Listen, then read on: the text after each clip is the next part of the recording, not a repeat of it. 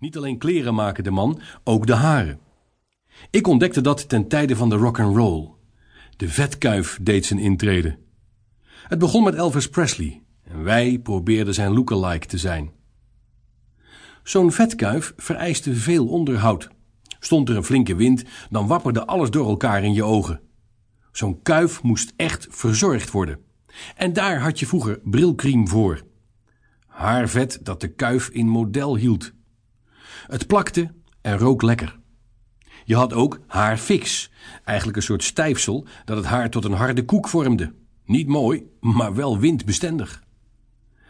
Ouders vonden de kuif maar niks. Veel te modern.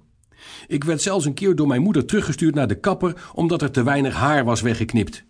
Ik was veertien en had weer een koep bloempot. En toen in de zeventiger jaren kwam het langharig tuig.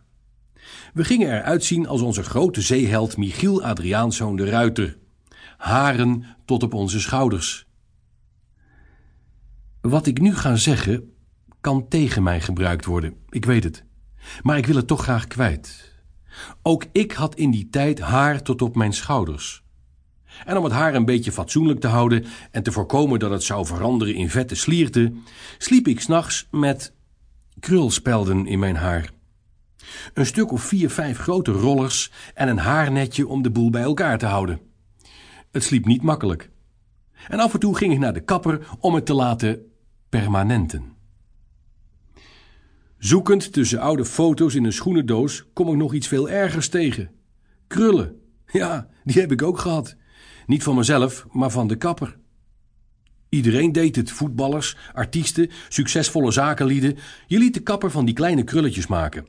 Een stuk of veertig krulspeltjes, een stinkend goedje eroverheen en dan maar soezen onder de droogkap. Ja, wat je allemaal niet met haren kon doen. Heerlijk toch? En niemand die je terugstuurde naar de kapper. Geen vader of moeder, geen rector van de school. Je besliste zelf over je eigen kop. En nu? Nu heb ik alweer een aantal jaren de bijna bloempot.